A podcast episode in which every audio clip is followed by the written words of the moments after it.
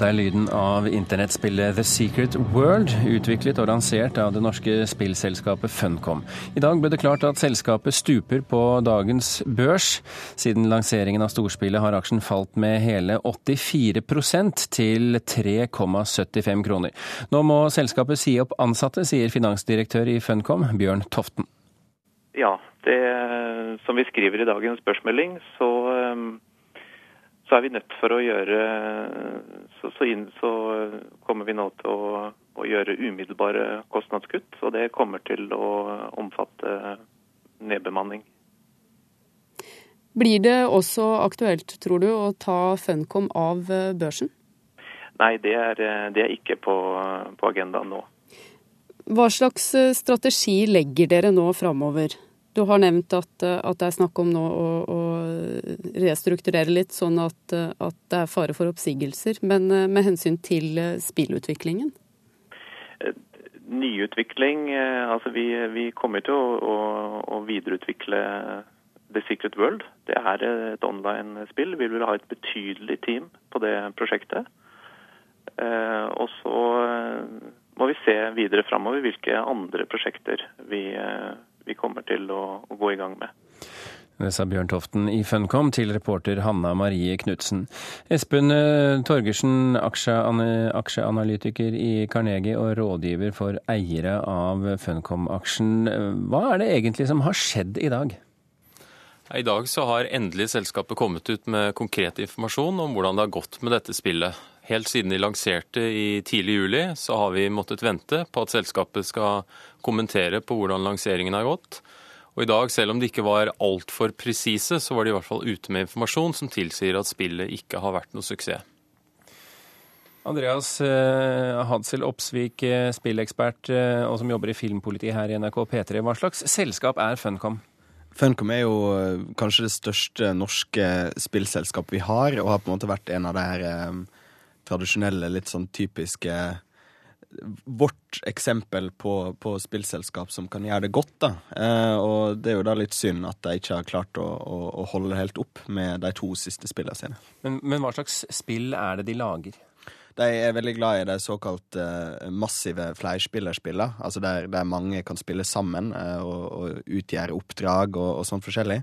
Og The Secret World var da, en, uh, da satt i en verden der alle konspirasjoner og folkeeventyr og myter er helt sanne. Torgersen, hvorfor var forventningene så høye til Funcom senest i april? Altså Funcom er et typisk selskap hvor det er enorm oppside hvis man lykkes, og stor nedside hvis man mislykkes. Så profesjonelle investorer som går inn i type selskaper som Funcom, er veldig klar over risikoen, eh, men du kan få veldig, veldig høy avkastning. Og Forretningsmodellen er jo slik at eh, inntjeningen til selskapet kan fort eh, tidoble seg. Omsetningen fra en måned eller et kvartal til et annet etter et sånt spill er lansert.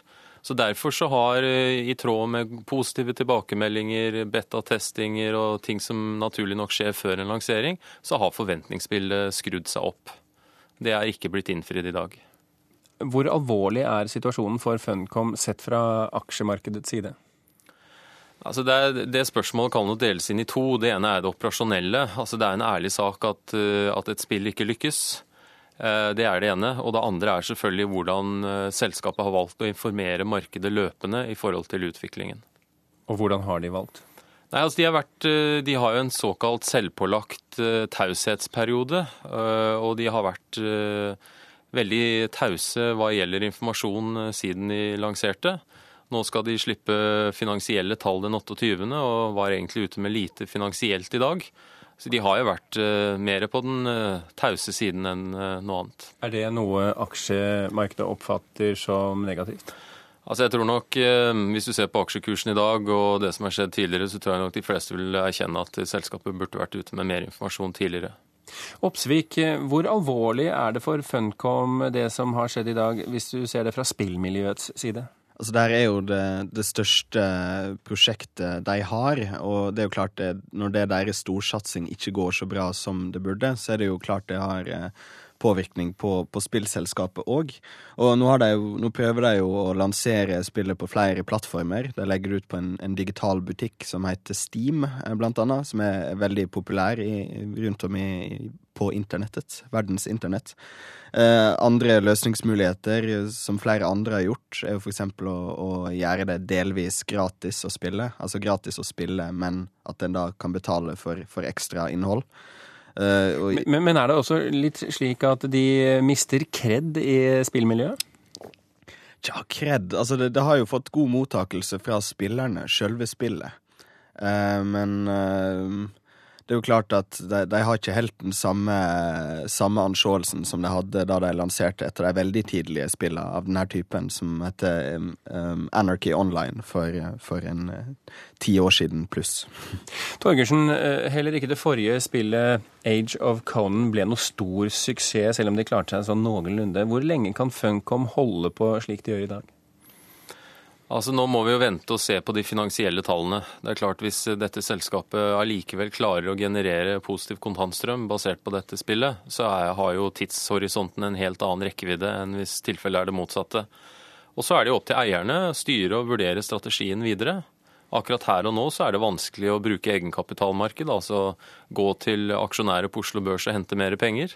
Det tror jeg ikke er oppnåelig, i hvert fall ikke i det korte bildet så får vi se. Det er mange forskjellige utveier for et selskap som, som Funcom. Har du rådet dine oppdragsgivere til å, til å selge i dag? Altså vi, eh, vi, har vært veldig klar at det er, eh, for å si det på godt norsk, det er game over for aksjen en god periode nå. Eh, hva tror du, Oppsvik, hvor lenge kan Funcom holde på slik de gjør i dag, før de mister kred i markedet?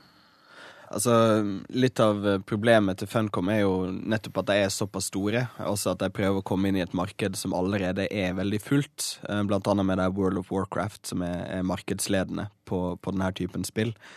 Uh, men det de har sagt, da, at etter det her spillet, så har de lyst til å fokusere på litt mer sånn nisje uh, Litt mindre type spill av denne varianten. Det er blant annet et legospill på trappene. Men, men, det som er viktigst for denne typen spill, er jo nettopp at de klarer å holde det i live. For hvis de blir nødt til å, å skru av sine egne servere, så vil jo spillet være umulig å spille for brukerne. Og da er det i hvert fall eh, game over, for å bruke spilluttrykket. Funcom er ikke det eneste spillselskapet som sliter for tiden. Oppsvik. Hvordan eh, har egentlig spillindustrien det for tiden?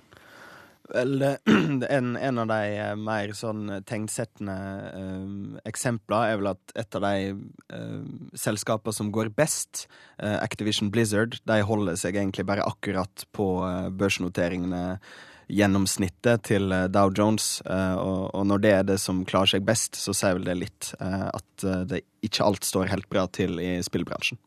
Hvordan ser det ut fra eh, aksjemarkedets side, Torgersen? Nei, jeg tror, jeg tror, spillmarkedet på mange måter representerer noe som er uh, veldig spennende, uh, men samtidig knytter stor risiko til seg.